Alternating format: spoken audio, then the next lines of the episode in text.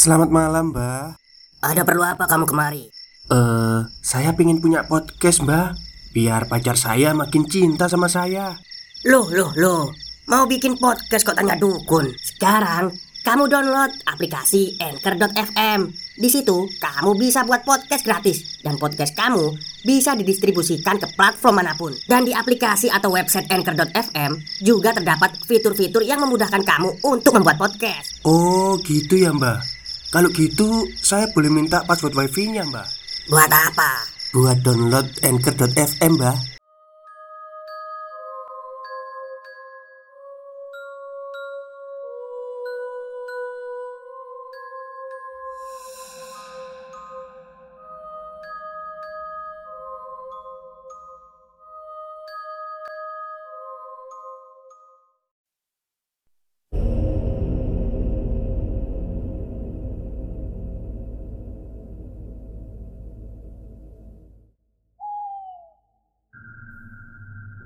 Assalamualaikum warahmatullahi wabarakatuh. Halo semuanya, jumpa lagi dengan saya Chow Sing Sing Kurator dari podcast Horror Night Story.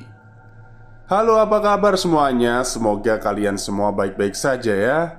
Dan seperti biasanya pada siang hari ini saya kembali Dan akan menghadirkan sebuah kisah mistis untuk kalian semua Kisah mistis kali ini saya datangkan dari Payung Hitam yang menceritakan salah satu narasumbernya ya yang mengalami kejadian aneh saat berada di kos-kosan. Seperti apa kisahnya? Mari kita simak. Berdampingan dengan lelembut adalah hal yang melelahkan. Cerita dari follower dan pembaca setia payung hitam ini benar-benar pengalaman yang kurang enak selama kuliah. Cerita kos-kosan angker sudah jadi makanan utama anak-anak rantau. Lanjut saja langsung ke ceritanya. Dari sudut pandang narasumber sendiri, kita panggil saja Meme. Aku lulus SMK tahun 2018 dengan impian pada umumnya lulusan SMK atau SMA. Aku berusaha sebisa mungkin daftar ke beberapa PTN di luar kota. Tapi akhirnya mungkin belum rezekiku saja. Gak ada satupun PTN yang diterima Karena sudah habis waktu dan tenaga Omku menyarankan untuk kuliah tahun depan saja tapi takutnya aku udah males dan gak mood lagi. Akhirnya mau gak mau aku daftar di PTS Di kotaku. Ya seperti biasa Aku daftar dan tes langsung keterima. Namanya juga PTS kan? Ternyata Aku daftar di PTS ku seminggu sebelum ospek. Udah bener-bener mepet banget Karena aku minim dapat informasi mengenai pendaftaran. Setelah urusan kampus, aku mulai cari kos yang aku dapat dari saran teman. Tapi sayangnya kos itu penuh. Tapi ibu kos yang punya kos penuh ini nyaranin aku buat ngekos di depan. Di sana ada kos, siapa tahu masih ada kamar kosong. Aku pikir daripada nggak dapet sama sekali, Akhirnya aku langsung gas ke sana. Betul, ternyata di sana ada kos, tapi bentuk bangunannya tua. Dan alhamdulillah ada satu kamar kosong. Aku langsung mengiyakan karena kamar ini lumayan luas dibandingkan kamar lain yang sudah terisi. BTW, aku jelasin denahnya ya. Jadi, Kamar kos ini berderet lorong dan posisinya punggung-punggungan dengan kamar kos lainnya. Ada dua gerbang juga di kosku ini. Ada gerbang depan dan belakang. Aku kebetulan dapat kamar yang belakang. Suasananya memang sangat sinyup, anyep, gelap, beratmosfer serem gitu. Bisa bayangin gak sih? Soalnya gak tahu bahasa Indonesianya apa Ya, maklum karena bangunannya udah tua juga. Siang hari pun kalau nggak nyalain lampu bakal gelap. Ya kira-kira begitulah suasananya. BTW kamarku ini di lantai satu. Karena udah mepet banget perkuliahan Harga kos yang terbilang murah dengan fasilitas lengkap. Akhirnya aku bertahan di sana Aku awalnya masih parnoan jadi nggak mau tidur sendirian.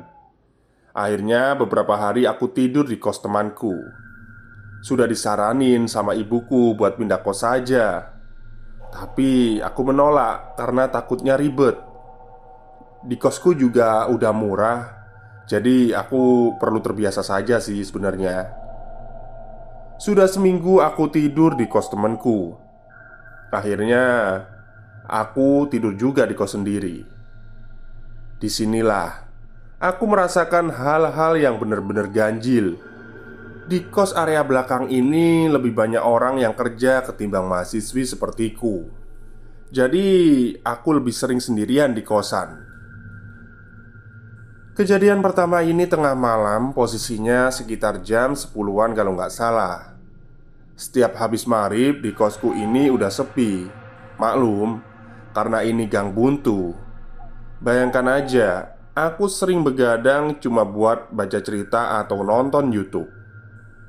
Malam itu aku dengar ada yang dorong pintu kamarku kenceng banget Padahal udah dikunci Bener-bener kaget Karena suaranya jelas banget Aku nggak dengar ada langkah kaki apa pun Karena benar-benar ketakutan Aku memutuskan untuk tidur saja. Kejadian ini nggak cuma sekali sebetulnya. Memang kalau udah tengah malam di kosku ini sering banget. Ada orang Atau tapi nggak tahu juga ya Itu orang beneran atau bukan Beraktivitas di depan kamar-kamar. Kayak mondar mandir di gerbang keluar masuk Dan lewat depan kamarku.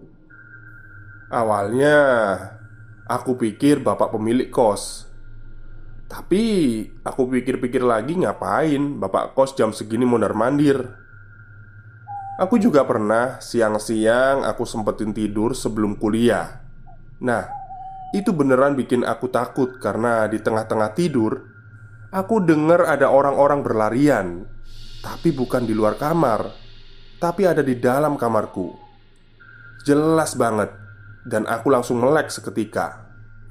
Karena masih setengah sadar Ya namanya juga orang baru banget bangun tidur jadi di situ itu ada kayak bayangan hitam berpostur orang. Sempet aku mau pegang tapi nggak bisa. Dan masuk ke puncaknya, kejadian yang bikin aku bener-bener takut. Kalau yang aku ceritain tadi mungkin masih bisa mikir positif ya, karena kayak yang samar-samar aja. Mungkin karena aku kecapean atau sekedar melindur. Stop, stop. Kita break sebentar. Jadi gimana? Kalian pengen punya podcast seperti saya? Jangan pakai dukun, pakai Anchor. Download sekarang juga. Gratis. Masih ada kemungkinan-kemungkinan kalau itu adalah halusinasi. Nah, ini kejadian seminggu sebelum ada wisuda Antara tahun 2019-2020 kayaknya Aku lupa seperti biasa, aku begadang sambil nonton YouTube. Di situ aku inget banget itu masih weekday atau hari kerja. Jadi di kamar-kamar depan masih ada mbak-mbak kos lain. Tapi di kos belakang aku sendirian. Tepatnya pas jam 23.20 Aku masih inget banget posisinya kebelet pipis Jadi sekalianlah cuci muka terus bubuk jadi, aku langsung ke kamar mandi yang ada di tengah-tengah perbatasan antara kamar depan dan belakang. Tapi, harus ngelewatin dapur sama tempat cuci piring yang gelap. Ada sih lampu, cuma tiap dinyalain pasti ada yang matiin, tapi nggak tahu siapa. Jadi, udah nggak pernah ada yang nyalain lagi. Nah, waktu itu keadaannya sepi banget. Aku masuklah ke kamar mandi terus nyalain keran. Karena malam gak ada yang pakai air selain aku Jadi keran di kamar mandi nyala gede. Nah, tahu kan suaranya keran itu gimana? Deres banget. Nah, samar-samar di tengah isi air Aku denger jelas banget ada suara orang nyanyi Tapi kayak anak kecil. Tapi kalau dipikir-pikir lagi Suaranya kok mirip salah satu mbak kos Yang emang punya suara seperti anak kecil. Tapi anehnya nyanyinya itu kayak sarkas. Lebih nyuruh matiin keran karena berisik. Karena aku kaget Terus aku nuntasin urusanku setelah itu dan cabut ke kamar Besoknya pulang kuliah aku nggak berani pulang ke kos Dan milih diem di kos temanku Sebut saja namanya Eli numpang mandi sekalian di situ karena masih terngiang-ngiang kejadian semalam. Terus temenku nanya kenapa tumben banget aku pulang kuliah nggak langsung pulang. Nah, barulah di situ aku jelasin cerita tadi malam secara lengkap. Dan temenku ini ngusulin supaya ditanya langsung ke mbak kos yang suaranya kayak anak kecil itu buat mastiin aja. Mbak Dita, Semalam jam 11 ke kamar mandi nggak? Tanyaku ke Mbak Dita pas sampai di kosan Gak ada sih Temen-temen juga dari jam 9 udah pada tidur Kata Mbak Dita yang juga kebingungan di situ. Ngelihat ekspresi Mbak Dita, aku langsung mikir Jadi, siapa semalam yang aku denger nyanyi-nyanyi? Karena aku ketakutan Aku langsung cerita lagi ke temanku si Eli yang tadi. Akhirnya dia nyuruh aku buat mandi di kosannya saja. Jadi sambil nunggu malam tiba baru aku bisa pulang Supaya pas pulang tinggal tidur aja. Kejadian ini aku ceritain ke mbak yang kamarnya di sampingku Tapi cuma lewat chat aja Akhirnya dia cerita juga dan terbuka Emang dia yang paling lama di kosan ini dia juga sering bawa temen dan pernah ngelihat Mbak Kunti di kamar mandi. Karena ceritaku, akhirnya aku gak berani lagi di kosan untuk waktu yang agak lama. Oh ya, ada lagi. Jadi ada dua temenku yang katanya bisa ngerasain adanya keberadaan mereka Dan yang satu ini temen ospekku jadi jarang ke kos. Cuma beberapa kali aja sih Tapi dia sering bilang buat pindah kos aja secepatnya. Aku sih cuma iya-iya aja. Dia bilang Ada sesuatu di depan pagar bagian belakang Sama di rumah kosong pojok depan kos.